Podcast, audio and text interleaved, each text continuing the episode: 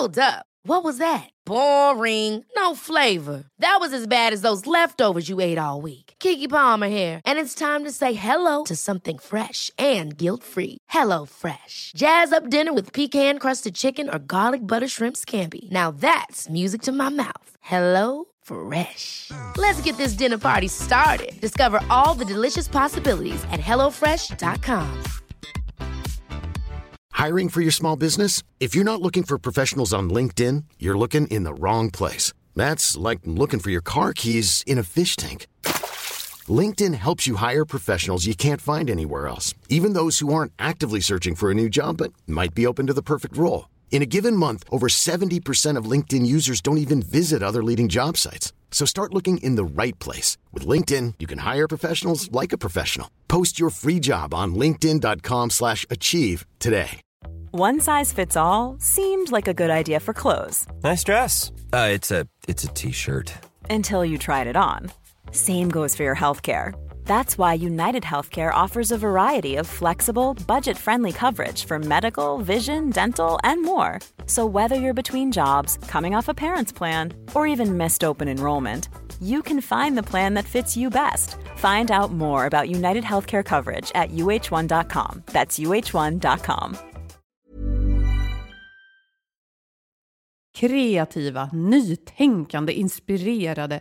Det tycker vi nog ofta att vi borde vara. Det är inte alltid helt lätt, men vi har tipsen.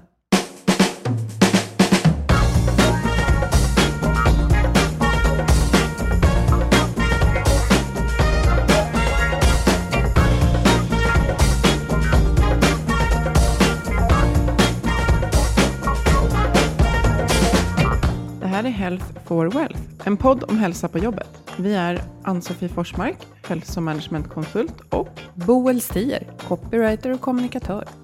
Vårt motto är att hälsa och lönsamhet hör ihop om man satsar långsiktigt hållbart. Forskningen är på vår sida och alla vill ha hälsa, men hur får man det att funka? Det tar vi reda på i den här podden. hej och välkomna till avsnitt 45. Ett nytt år är inlett och framför oss så har vi massor av ämnen och gäster som vi vill avhandla och bjuda in och prata med.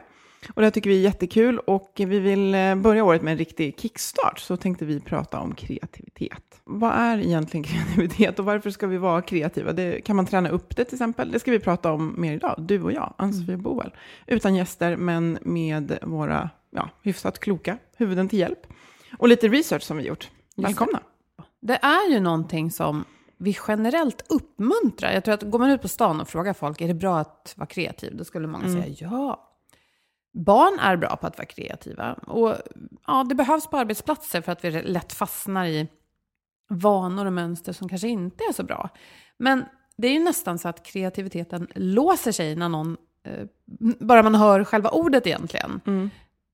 Det känns inte så lätt att beställa fram kreativitet helt enkelt. Nej, precis. Och, eh, som sagt, med tanke på all här, tekniska lösningar, digitalisering, så man kan ju inte trycka ner eh, kreativitet i dem, utan det är det som är kvar för oss att, att, att jobba med i framtiden, eh, delvis. Då. Och eh, man behöver det, inte bara i bemärkelse av att hitta på nya lösningar, men att vara kreativ kan också göra att man på liksom, korta puckar kan komma på eh, lösningar på problem som man har, både långsiktigt och, och lite mer så akut. Så. Och dessutom så tänker jag ju så här, kund, om man möter kunder, så en person som är i ett serviceyrke som har tillgång till sin kreativitet, det kan ju faktiskt höja kundupplevelsen väldigt mycket. Ja, verkligen.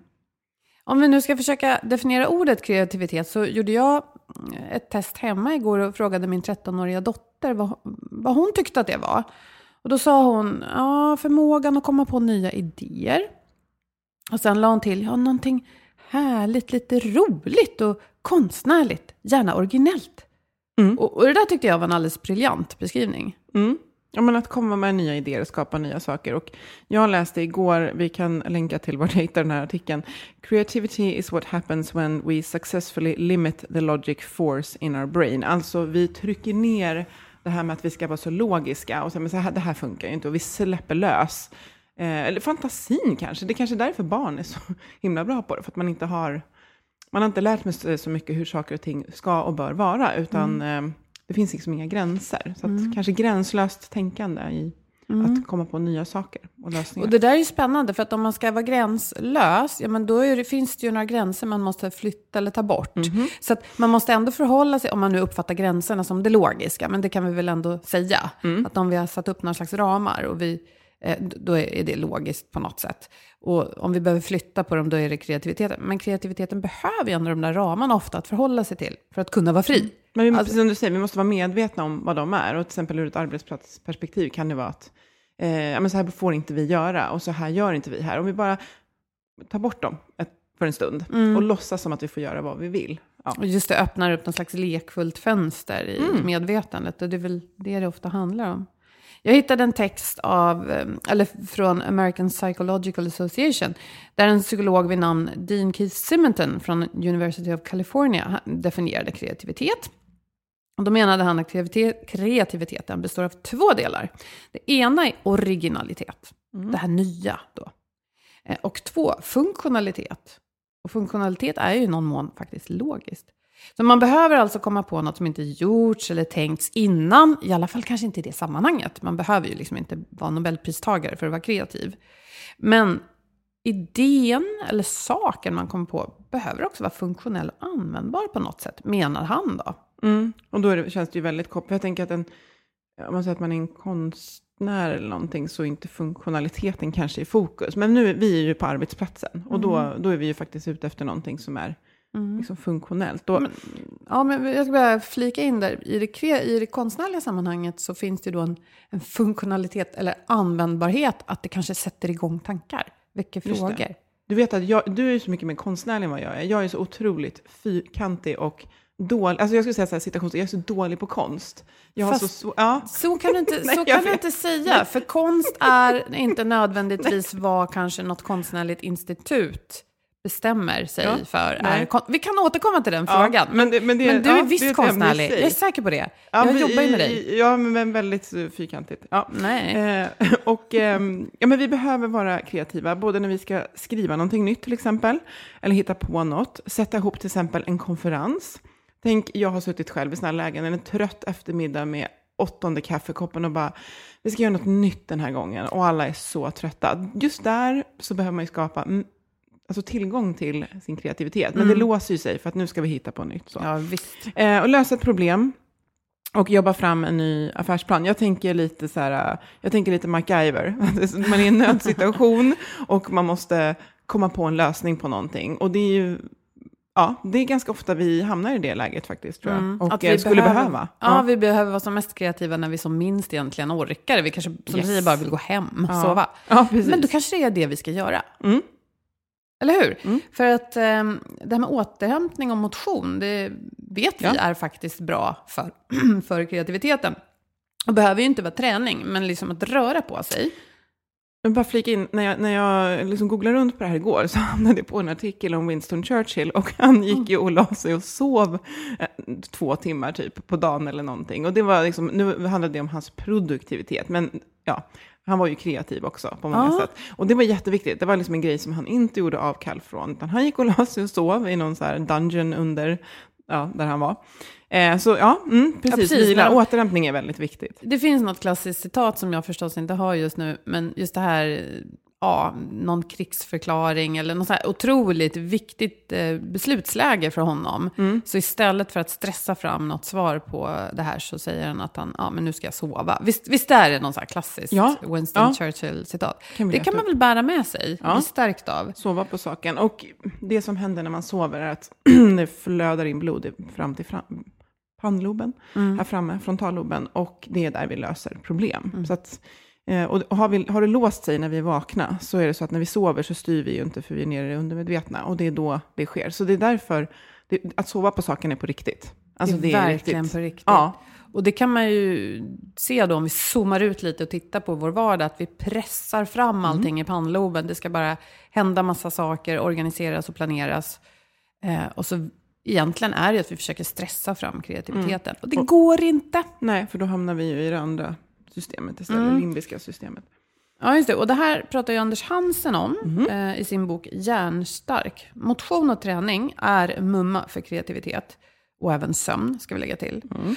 Och i våra dagar då med så mycket information och så många pågående processer som ständigt ropar på vår uppmärksamhet så kan ju ett bra sätt att gynna sin kreativitet vara då att sova. Eller att bara liksom skapa ett slags tystnad i tankeverksamheten. Andas, titta ut genom ett fönster, ta en tur runt kvarteret.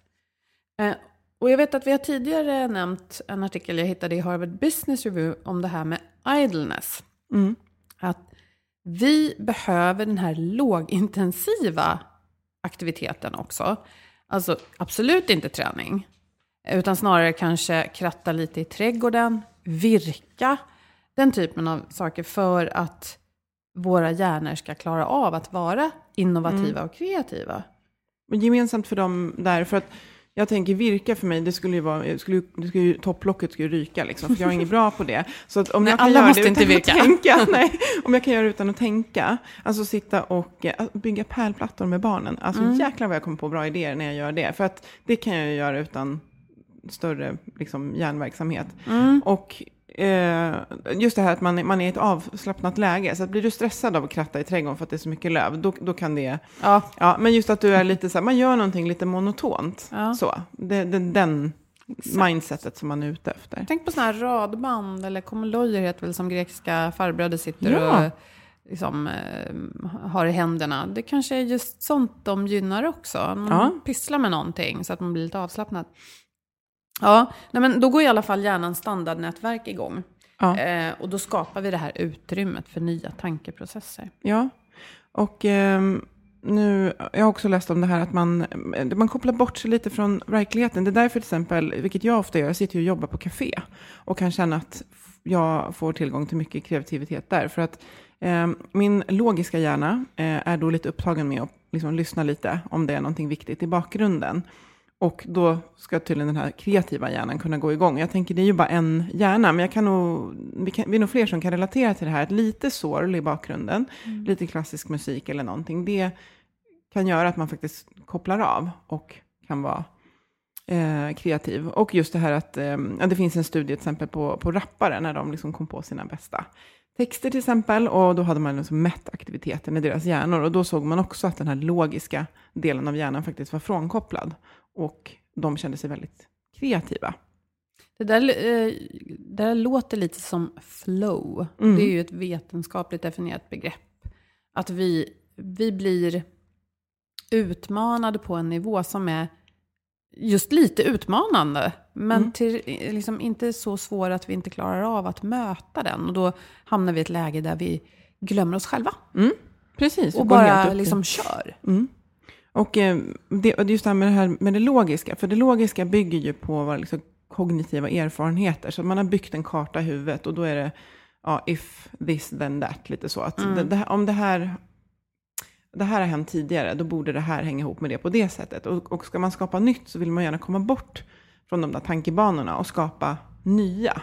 Eh, och då gäller det att förstå att när vi är fast i det logiska, så kommer vi vilja lösa saker på ett sätt som vi har erfarenhet från tidigare. För det är ju så vi bygger liksom vår erfarenhet. Och det är ju jättebra i vissa lägen. Man bygger på sin erfarenhet. Men just när man ska göra någonting nytt, helt nytt, så vill man ha tillgång till den där kreativiteten. Och det kan man då få genom att just eh, gå på tomgång, alltså idleness. Eh, och vara ganska mm, lugn och utvilad. Och ostörd, kan man säga. bara kom till mig nu en eh, hiphop-rad. Och jag kommer inte ihåg artisten bara för det. Det här är 90-tal någonting. Och den är mycket längre, men den slutar med You need to go walking or your, dog gets medic. och den är, tycker jag är underbar. Alltså ut och rör på det, annars blir det dogmatiskt. Ja. Eh, och det, men, men det här är också, det här är spännande. Det handlar ju om att ändå förhålla sig till, jag kan inte släppa det här, att man förhåller sig till något logiskt. Jag tänker, rapparen eh, leker ju med orden. Och orden, det är ett logiskt system, det är ett språk. Man kanske just rimmar, eller liksom hittar roliga kopplingar. Så man förhåller sig till det logiska, men man är inte rädd att leka med det. Liksom där någonstans tror jag Ja, vi hittar någonting.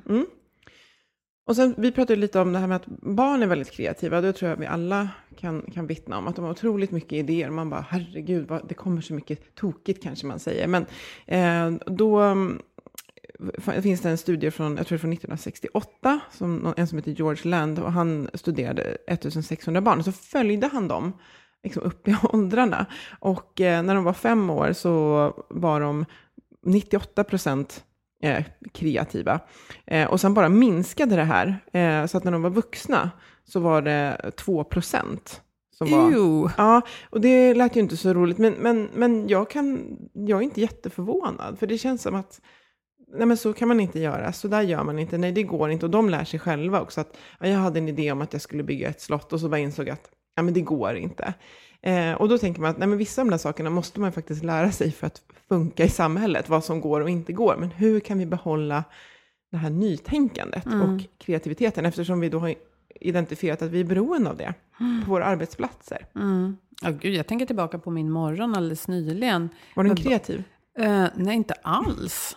Därför att det var väldigt mycket så här hållpunkter. Nu ska kaffet vara klart och barnen byter om nu. Och Mm. min son frågade efter en skruvmejsel för han ville leka med något. Det, det kan vi göra ikväll. Det finns inte Mm. tid för det nu. Och, och så där ser verkligheten ut rätt oj, mycket. ja.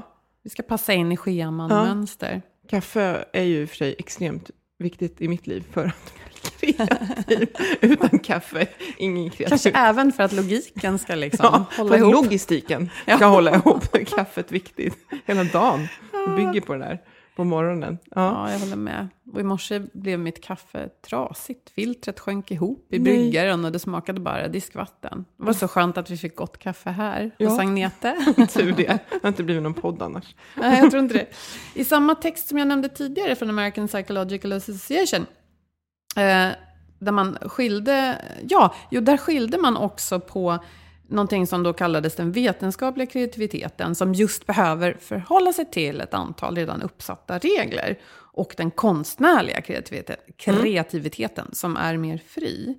Och då kommer jag att tänka på, vi har pratat om Richard Thaler och det här med nudging. Han fick Nobelpriset i ekonomi 2017, förra året alltså.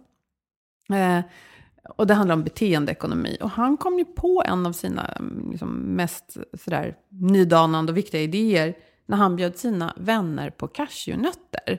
Har du läst om det? Ja, men jag såg intervjun när han hade en låda där han tog cashewnötter och sen stängdes lådan och så gick det inte att öppna den på 30 minuter. Va? I kritiskt läge, jag hade ju brutit upp den där lådan.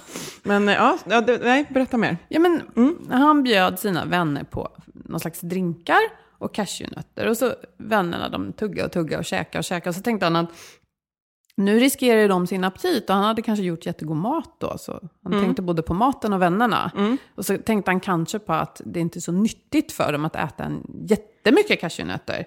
Så då ställde han undan dem. Och i och med det här att han plockade undan dem. Han gjorde alltså tvärt emot vad vännerna egentligen ville i den stunden.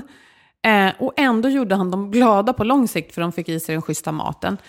Och då insåg han att han gick emot så här, eh, traditionell ekonomisk teori. För att då säger man att många val, det, det är bra. Och man säger också att människan agerar alltid rationellt. Men han insåg att vännerna var inte alls rationella. Och de mådde faktiskt bra i det här läget av lite färre val.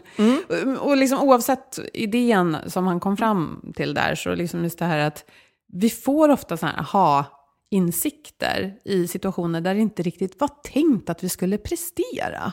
Nej men Newton-äpplet, alltså ja, eh, Mm. ja precis, jag håller med. Jag har, kan, nu kan jag inte ge något bra exempel, men jag kan också komma på liksom, riktigt bra grejer. Och jag, jag tänker, det var någon, jag läste igår också, det här med att stå i duschen, att det är då man kommer på Ja. grejer. Ja, och det är just för att man är upptagen, lagom upptagen med någonting annat, eller bara i en annan situation som inte alls påminner om det Mm. man eh, vill ha idén inom, så att säga. Ja, precis. Och jag tänkte också på Marcel Duchamp som fransk konstnär i början av förra seklet. Som, han är känd för massa olika saker, men eh, han var bland annat så dadaist och eh, var med och liksom utmanade synen på vad konst var. Och eh, kanske det mest kända han gjorde var att ta en urinoir, vända på den lite grann, signera den med något påhittat namn och kalla den för Fountain. Och det här var en konstutställning för exakt eh, 100 år sedan. Och eh, man hade sagt att här är all konst välkommen, den ska liksom inte bedömas. Utan man, ja. Men så blev det ändå en himla diskussion om huruvida det här var konst eller inte. Och liksom, huruvida det var konst eller inte är inte det viktiga, men att diskussionen uppstår. Mm. Och då händer den för att han gör något oväntat med någonting som är egentligen väldigt vardagligt. Så jag tycker att den Mm. Det var bilden kreativt. Mm. Ja, av kreativitet Ja. är liksom bra att ta med sig. Ja, och då, ja, vi har ju landat i då att vi, vi har uppenbarligen tillgång till väldigt mycket kreativitet. Och det, det är ju det som gör att vi, vi sitter på den här stolen och mycket av det här som vi använder funkar. Eh, men vi inser också att vi, vi lätt tappar det när vi blir äldre. Och då kan man ju fundera på att kan man lära sig kreativitet? Och det, ja, det kan man tydligen eh, göra. Och, ehm, eh, Det är inte gudabenådat, det är Nej. inte bara för vissa. Nej, precis. Utan vi har det någonstans. Och sen kan det vara att vi är längre ifrån det vissa tider och sådär. Men ehm, på- IBM på 1950-talet så, så insåg man att eh, för att man skulle lig- fortsätta ligga i framkant så var det just så att de högsta cheferna och ja, hela organisationen för den delen behövde ha tillgång till sin kreativitet. Och då skapade man en utbildning i det och den byggde på sex stycken antaganden. Och de här Spännande. kan man ta med sig eh, var man än är. Och då eh, handlade det om att man skulle våga ställa radikala och olinjära frågor. Och det kan ju vara just det här att ja, men vi har alltid gjort så här. Vi gör alltid så här på våra möten. Vi kissar Måste alltid i toaletten. Ja, ja vissa saker kan vi bara låta vara. Men då får man också tänka så här, vi har tillgång till en viss mängd hjärnkapacitet. Men om det är några saker som vi har insett att det här skulle vi vilja förbättra, så är Mm. det kanske just de, att du bara, nej men jag gör alltid så här på morgonen. Varför då Boel? Jo, men därför att, nej men varför då? Tänk om du skulle göra så här istället. Att man vågar ställa, obe- det är inget, det är inget farligt kan hända, vi ställer bara frågor. Mm. Det kan man ju faktiskt göra. Varför gör vi alltid så här på vår konferens, på vårt möte? Mm. Eh, varför sitter vi så här? Varför gör vi? Att testa ett, ett område i taget kanske, tänker jag. Mm. Och sen att det handlar om unlearning snarare än learning. Alltså att vi olär oss eh, saker. Så att vi har ju lärt in beteenden som vi då vill förändra på något sätt. Och då måste vi olära dem. Och här kan jag bli lite fundersam, för jag tänker att vi vill väl ändå lära oss någonting nytt. Men vi måste... Men handlar det inte om att flytta på de där gränserna vi pratade om? Och det betyder inte att vi behöver släppa kunskap eller tömma hjärnan på kunskap. Men att bara tänka på någonting som är satt eller fixt. Som till exempel då att du jobbar alltid vid ett skrivbord. Det bara är så. Ja, men hur skulle det vara om jag kunde jobba på ett annat sätt då? Mm. Ja men precis, ja men kanske så att man, man backar och tänker så här, men jag har lärt mig att det är bäst att jobba vid skrivbord. Om jag säger att jag låtsas att jag tar bort en kunskap och så tänker så här, hur skulle jag vilja s- röra mig idag när jag jobbar? Ja, faktiskt på ett helt annat sätt. Ja, bra, då backar jag och så börjar jag där. Eh, och just att man kan inte lära sig vara kreativ, utan man, man ska vara kreativ. Det kan ju låta som det är samma sak, men att jag är en kreativ person, att liksom bli en kreativ person. Eh, och sen försöka umgås med kreativa människor. Och då tänker jag att det kan vi säkert hitta både på arbetsplatsen och kanske, ja, vi kanske har barn då, som enkelt, eh, för de uppenbarligen är kreativa. Men att vi, tänk på någon som man uppfattar som kreativ och umgås med dem, så kan det smitta av sig. Och sen är det jätteviktigt med hög självkännedom, att man vet om sina fördomar. Det är jätteviktigt att veta att ja, men jag, jag har ju de här fördomarna och jag tror ju att det ska vara på det här sättet, men jag förstår att det behöver inte vara sant. Så man är medveten om det, det är ju första steget till att kunna eh, förändra. Det är lite som att sätta lampan på de här gränserna då, som kanske inte är just visuella, men som symboliskt. Ja, Att vi, vi tar och tittar på de här begränsningarna för hur vi gör saker och när och var. Och så ser vi om Ja. vi kan hitta någonting nytt då, ja. utanför dem. Och så väldigt viktigt då att eh, det finns inget rätt eller fel. Du har rätt att göra fel. Det är jätteviktigt. Man måste få prova och misslyckas. För annars kommer det ju bli att man inte vågar testa med rädsla för att det ska bli fel. Men det, ja. Och eh, som sagt, eh, man kan ju vara mer eller mindre kreativ inom olika områden. Jag tänker att vissa yrken och vissa delar av yrken, till exempel i krissituationer, då är det kanske, ja, du kanske just måste vara kreativ då för att eh, lösa någonting, men vissa saker måste få liksom gå på invand rutin, för det frigör ju också kapacitet till att vara kreativ. Men jag skulle gissa att på ganska många arbetsplatser så finns det saker, där man, områden och utmaningar där man kan försöka applicera det här. Att vi vill ha en helt ny lösning och då behöver vi komma bort ifrån det vi har gjort och de här gränserna som du pratar om. Och nästan ha ett vitt papper och försöka komma in i ett rum eller samlas runt att vi är på plats, vi är närvarande, vi har sovit bra käkat bra och eh, bara släppa idéerna fria och se vad som händer. Och där kan vi se kopplingen till hälsa ganska tydligt. Då, mm. Just det här med att om vi får röra på oss och sova bra så mm. blir vi mer kreativa. Då behöver vi inte ens tänka på kreativiteten. Och kreativitet, en upplevelse av att få vara kreativ på jobbet, även om man inte aktivt är det, det är också kopplat till högre motivation och trivsel och produktivitet på arbetsplatsen. Så att det hänger ihop. Ja, och det där handlar ju också om att känna att man får vara sig själv. Att man mm. inte i så hög grad behöver liksom låtsas någonting som man inte känner stämmer. Jag läste en artikel, Eva Hoff heter en psykolog på nu ska vi se, Lunds universitet. Ehm, jag läste den artikeln på väg hit, därför jag inte hunnit skriva ner det. Och hon skriver en artikel som vi kan länka till, eh, om just det här att vi, vi strömlinjeformar allt idag. Alltså digitaliseringen har ju gett oss så otroliga redskap för att organisera och strukturera. Och där är det lite som, det här är inte hennes ord utan det som jag fyller i. Det är lite som att vi verkligen ska organisera och strukturera allt. Och i det här liksom rutnätet av gigantisk, och liksom från det makro till mikro, från det stora till det lilla, ska vi strukturera allt.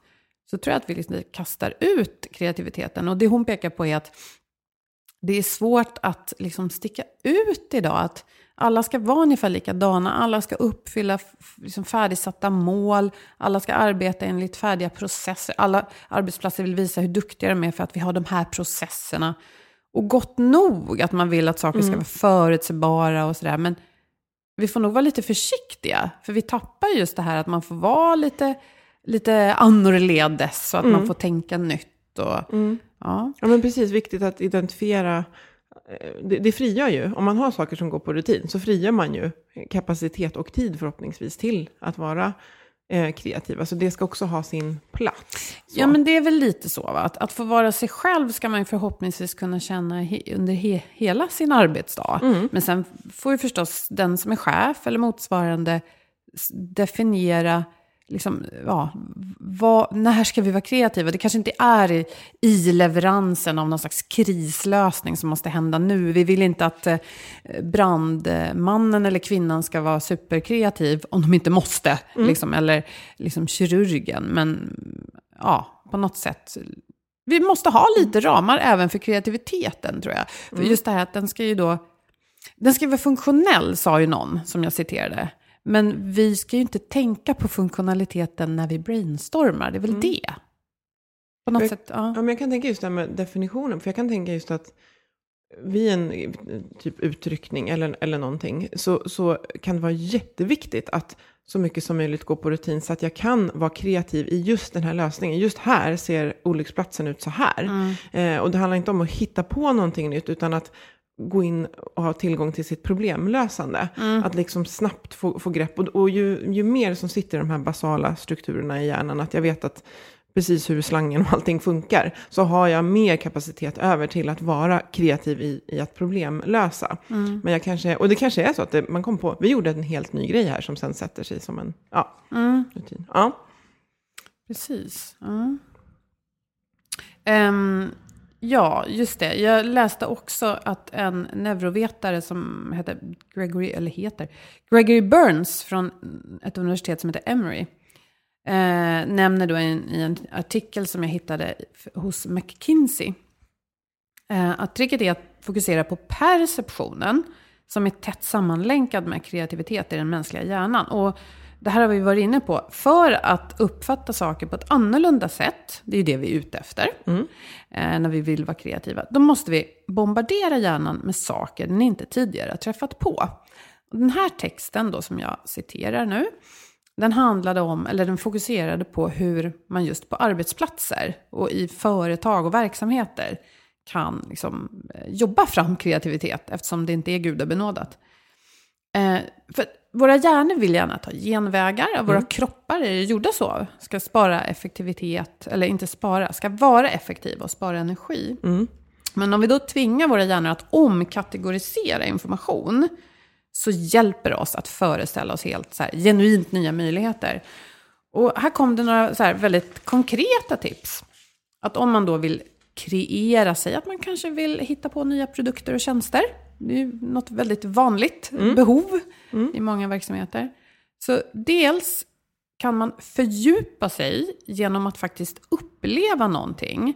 För teoretiska studier kan vara jättebra, va? men att gärna gå ut i verkligheten och uppleva. Och ha, säg att man säljer någonting till vanliga konsumenter, varor. Ja, då kan man till exempel leka kund.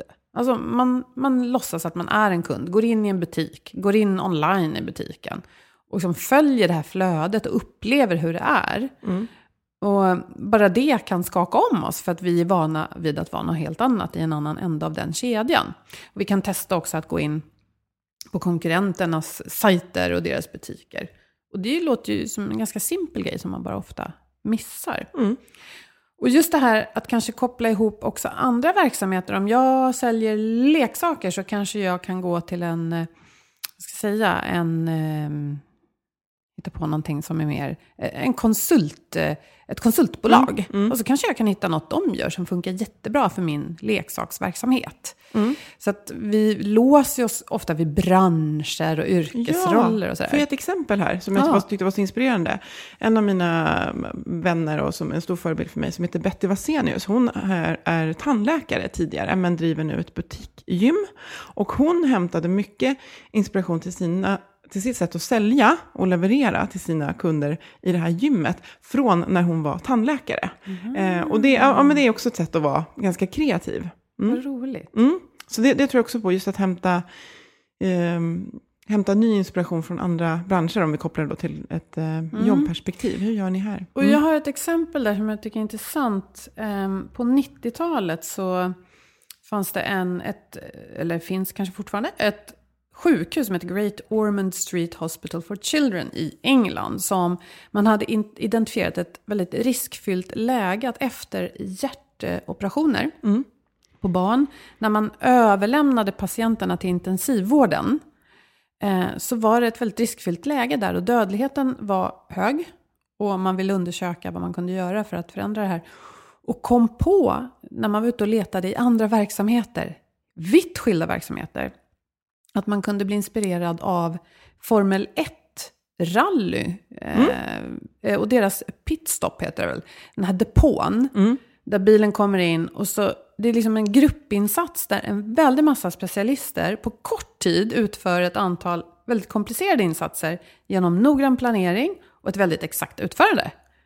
Och då kunde man då inspireras eh, av det här förfarandet och använda inom hjärtkirurgin. Och eh, enligt vad jag förstår då, jag har inte djupdykt i det här, så fick man också bra resultat av det. Det är lite häftigt. Men jag tänkte det här är jättebra att skicka med.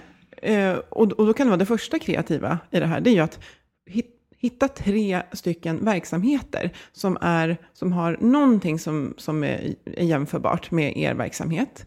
Eh, men som är väldigt olika. Och sen studera dem på något sätt. Och sen blir ju nästa kreativa steg att då ta med sig, eller, eller förkasta, någon, någon lösning till organisationen. Men det här tror jag är så värt att lägga tid på.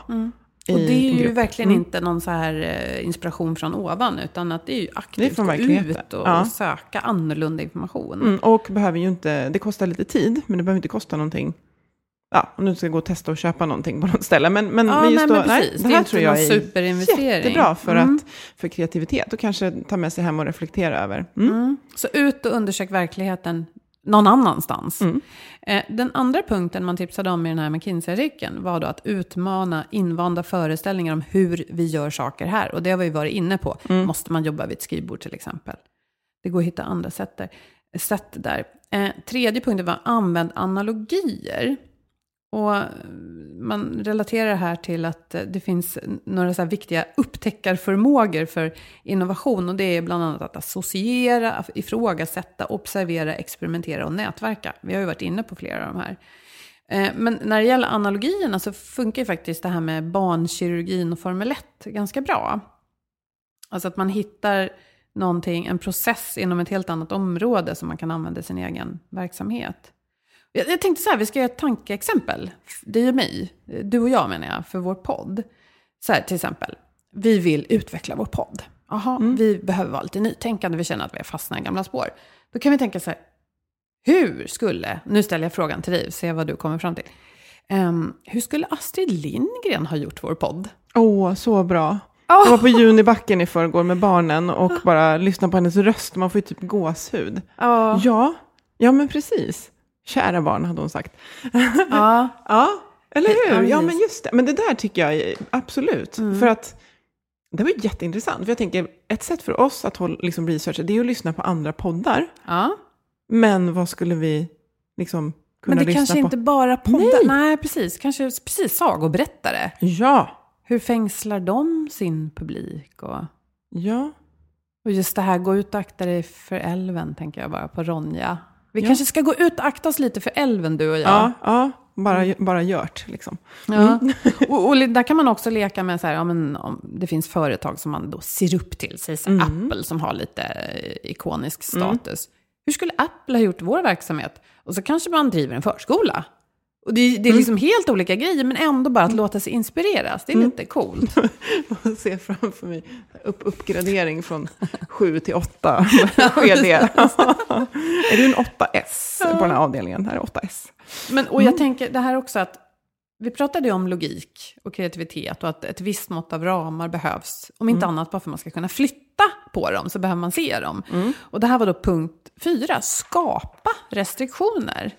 Alltså att liksom rama in eh, tänkandet på ett annorlunda sätt. Och här skulle vi också kunna tänka så här, ja, hur skulle du och jag podda om vi inte hade internet? Ja. Megafon. Bara gå ut och ställa oss på... Vi ställer oss i Vasaparken och bara... Varje torsdag klockan hälsa till 9.00. folket! Hälsa till Nu kör folket! ja, men precis. Eller så skulle vi försökt liksom komma in på Sveriges Radio och de skulle bara, eh, nej tack, eh, vi har fullt här. Jag, bara, men jag har några program som ni har kört lite längre nu. Vi kan väl stoppa in det här. Ja. Nej, men det, det, det är ju en rätt spännande tanke. Vi är så beroende av, och vi vill ju fortsätta Mm. finnas online, det är inte det, men hur skulle vi gjort annars? Vi kanske skulle kunna hitta något där som, ja, megafonen. Om det var på ögonblicket. 80-talet så hade vi haft sån här Walkman. Och så hade du haft en kassett. Så hade du fått komma till mig om du var min lyssnare. Och så hade jag så här, bra då byter jag ut till det nya avsnittet. Så får du tillbaka den. Så får du komma tillbaka om en vecka. Blandbandstanken. Yes. Det hade ju varit Mm, så hade du fått så här, Bod, jag tycker du ska lyssna på det här. Sen satte jag upp ett blandband till dig. Så hade du fått gå iväg och lyssna. Och det där tänker jag på, man kan ju ge, jag hade som förslag på hållbar julklapp, att man kan ge en spellista till någon. Ja. Vadå gulligt? Jag satte ihop de här till dig. Det var bland det första jag gav till min nuvarande man när vi Mm. träffades. Så var jag liksom tvungen att testa om han hade bra musiksmak. Mm. Det hade han inte tyckte jag då. Fortfarande lite oro, orolig, men nu är vi gifta. i alla fall. Ja, herregud, jag skulle kollat noggrannare. Nej, men då gjorde jag faktiskt en, en mixskiva till honom för att se liksom vad han tyckte om min musik. Eller lite fostrande syfte. Ja, Eller? det här är bra musik, eller hur? Fogade i ledet. Ja, men eh, mm, apropå kreativitet, ni hör ju, vi, vi liksom spårar ju ur här totalt. Så det, ger man sig tiden så. Så nog Ja. kommer idéer. Och Ja, för du, ja, precis, det här med att skapa ramar och restriktioner. Och, eh, jag ska ge det här exemplet som vi gjorde på min förra arbetsplats då, när vi skulle arbeta fram nya idéer som var uppkopplade till våra nya värdeord. Och eh, det var en eftermiddag och det var ganska mörkt och folk var lite trötta. Men då fick vi göra såna här lekar. Och det satte verkligen igång hjärnan. Och det vi fick göra var att vi fick höra fiktiva företagsnamn. Och så skulle vi hitta på vad det företaget gjorde. Och hade man liksom snabbfilmat det här så var det verkligen från att så här, jaha, till att, ja men vänta nu. Och sen var vi liksom eld och lågor. Och när väl uppgiften som vi skulle göra på riktigt kom, då var ju den här kreativa processen i huvudet igång. Vi var jättetaggade. Vi hade fått självförtroende. För vi tyckte att vi hade kommit på helt fantastiska företagslösningar på nya produkter. Och då blev det väldigt bra. Att, Så ni gjorde som en förövning, där Mm. ni liksom värmde upp kreativiteten, kan man säga så? ja, vi fick sen, de skrev upp ett företagsnamn.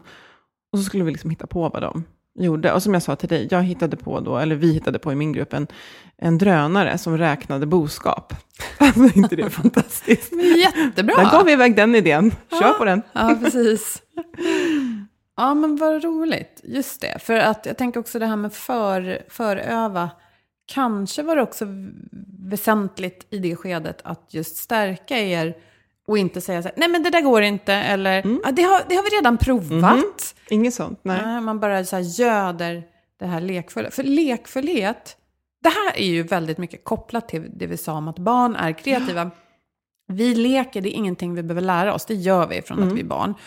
Och, och, och vi är nog benägna att tänka på det som att det är så produktivt. Så här, ja, men leken är viktig för då lär man sig att en massa saker. Man härmar vuxna, man lär sig hur saker funkar och så. Men leken är ju faktiskt viktig i sig. Den behöver liksom inte ha ett mål eller syfte. Nej. Utan att den bara finns. Och det har vi fullkomligt tappat Ja. i vår vardag. Och att begreppet lekfullhet låter som att det inte hör hemma. Utan om vi då istället pratar om att ge förutsättningar för kreativitet, då låter det lite mer eh, business. Det låter lite mer som, arbetsplats som att det kan finnas eh, med i en affärsplan. Ja, men det finns ju också så här nu, finns ju hur mycket forskning som helst också på just att har man kul på jobbet så mår man bättre och producerar bättre. Så att, men om vi då säger skapa förutsättningar för kreativitet, för mig skulle det kanske börja låsa sig lite, men eh, vad man nu väljer för ord, just att skapa de här tillfällena och plattformarna. Jag, jag, jag ser framför mig, jag ser ett så här pingisbord, det är en sån enkel grej. Det, har vi det- faktiskt på vårt jobb. Ja, men det är jättebra. För det är, så här, det är ju ingen som står där hela dagarna, men det finns där och det Nej. uppmuntrar till, till lekfullhet. Men, men, eh, så då kommer vi in på just att arbetsmiljön är väldigt viktig. Och då är det både den inre arbetsmiljön, alltså min kropp och mitt huvud, och hur jag har omkring det. Och ehm, en hjärna som är trött, stressad eller osäker, eller allihopa, den kommer inte att vara kreativ. För att när vi upplever hot, då är ju inte syftet att vi ska hitta på nya saker, utan då ska vi ta hand om det som är och se till att vi blir säkra. Så att är det så att vi upplever till exempel trakasserier eller, eller det är osäkerhet, kanske Eller bli en omorganisation. eller att man inte har resurser att utföra det som förväntas av en, eller hur? Mm, då, då, då får man förstå att det kan vara väldigt svårt att vara kreativ. För det är inte det hjärnan, den är ju ändå väldigt stark. Och då, den vill bara liksom lösa det allra viktigaste och gå hem. Och är man väldigt trött då och inte har tillgång till syre, man kanske har suttit ner hela dagen. Eh, så att göra någonting åt att man inte har sovit natten innan kan ju vara svårt. Men man kan, det här med att resa på sig, byta miljö, eh, gå en sväng så att man får syresätta hjärnan. Eh, och att försöka lösa de problemen som är liksom mest överhängande så att man kan faktiskt känna att jag har bockat av det där. Det, det är väldigt viktigt, annars är det, du får inte tillgång till din, eh, till din kreativitet. Och eh, bara det här med, alltså det behöver inte vara att det är ett hav av färgglada saccosäckar liksom, och pingisbord, men en, en miljö där du känner dig liksom upp, upplyft så. Du kan behöva byta plats. Och det, sånt här som vi pratar om ofta, det handlar ju förstås också om att bli sedd och känna sig trygg och känna att man kan få vara den man är. Att man faktiskt har eh, omtanke runt sig på jobbet och visar det mot andra. Mm, jätteviktigt. Så några det- saker är ju, kan man ordna på en gång. Att här, nej, men nu går jag och sätter mig här, jag tar en kopp kaffe, jag rör på mig. Och några saker är liksom mer, ja, jag kanske inte får ordning på dem idag. Men då förstår man i alla fall varför det inte känns så lätt att komma i det här kreativa modet. Och här är det också så att vi eh, inrättar arbetsplatsen på ett och samma sätt för alla. Och, ja, det är väl, väldigt inne med ah, aktivitetsbaserade kontor och sådär. Men det kan finnas ett stort värde att vi ändå får utforma åtminstone vårt skrivbord som vi vill. Och liksom smycka det eller markera, här, här är jag. För att man just får visa lite personlighet. Det där gynnar också kreativitet. Mm, verkligen. Och att det finns, det här har vi också haft folk som har pratat om här i podden.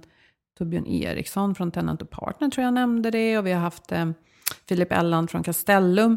Eh, att det är väldigt värdefullt att på våra arbetsplatser rent fysiskt ha miljöer där vi kan söka lugn och fokus när vi behöver det.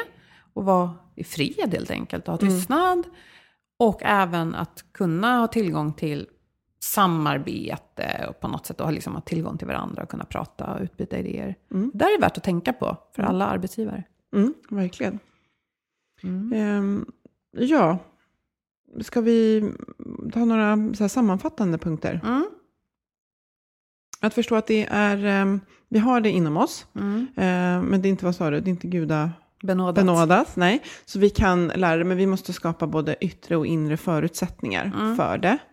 Eh, och att kreativitet är inte bara att liksom go bananas och hitta på nya grejer, utan det kan vara just att nya sätt att göra saker på, lösa viktiga problem, öka kundnytta, det vill väl precis alla organisationer göra. Och då kan man behöva ta ett nytt grepp, gå ut och låtsas vara kund, eller vara kund någon annanstans. Leta Titta- på oväntade ställen. Ja, och ge, ge tid för det.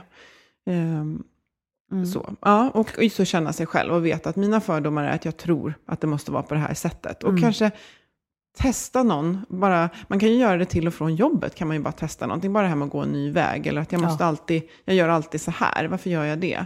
Eh, det kan vara ett sätt att bara sätta igång de här processerna, det behöver inte vara ett jättestort tidsödande projekt. Så. Eh, En gräns som vi måste sänka eller flytta på, det är ju det här med rädsla. Rädslostyrda organisationer Ja. blir inte kreativa. Nej. Utan mer lekfullhet och mer tillåtande mot liksom, att, att olika människor är uh, olika. Mm, rätt att, att prova och ha lite, ha lite fel. Mm.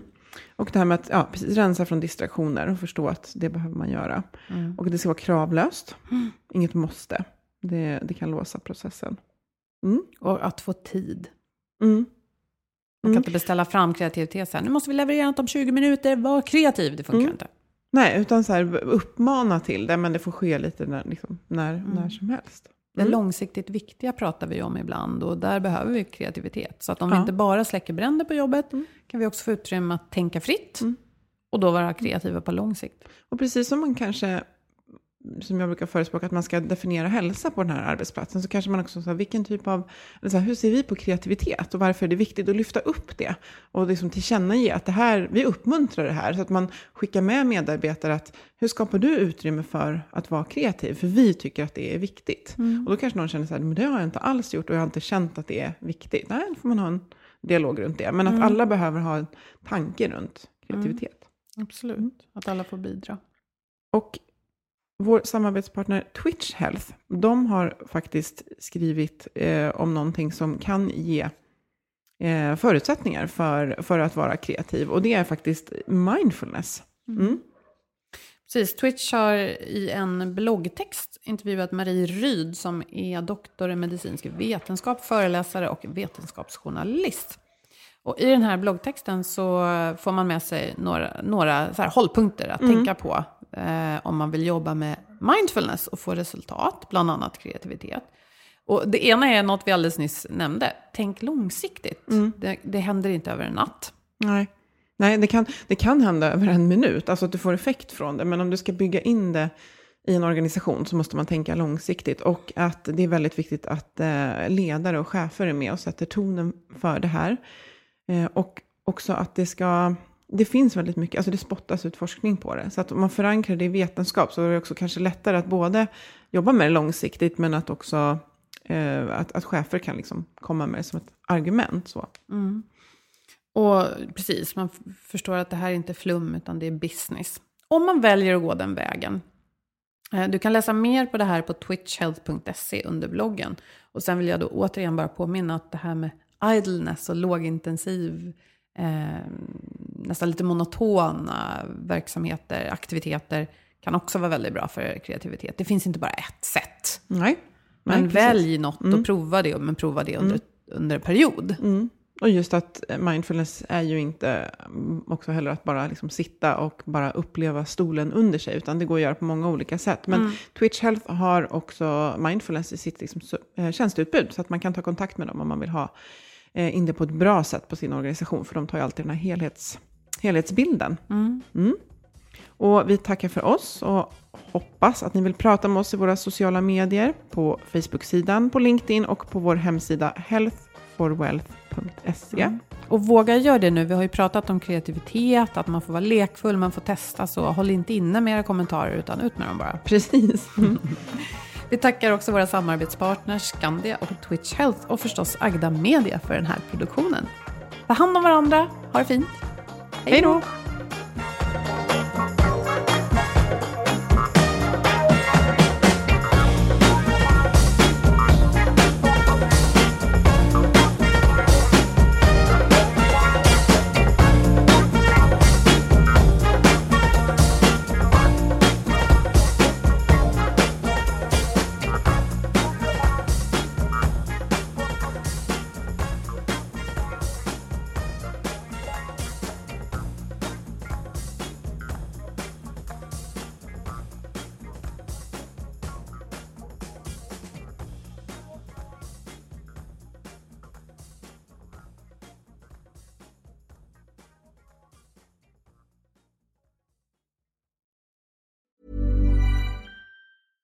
Ever catch yourself eating the same flavorless dinner three days in a row?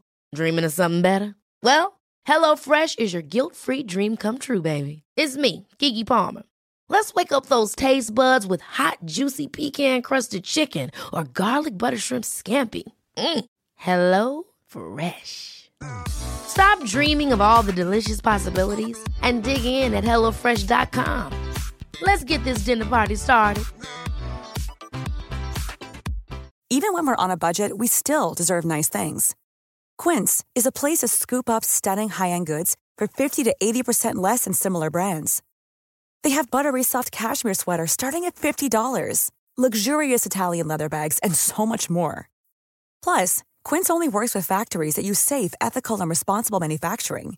Get the high-end goods you'll love without the high price tag with Quince. Go to quince.com/style for free shipping and 365-day returns.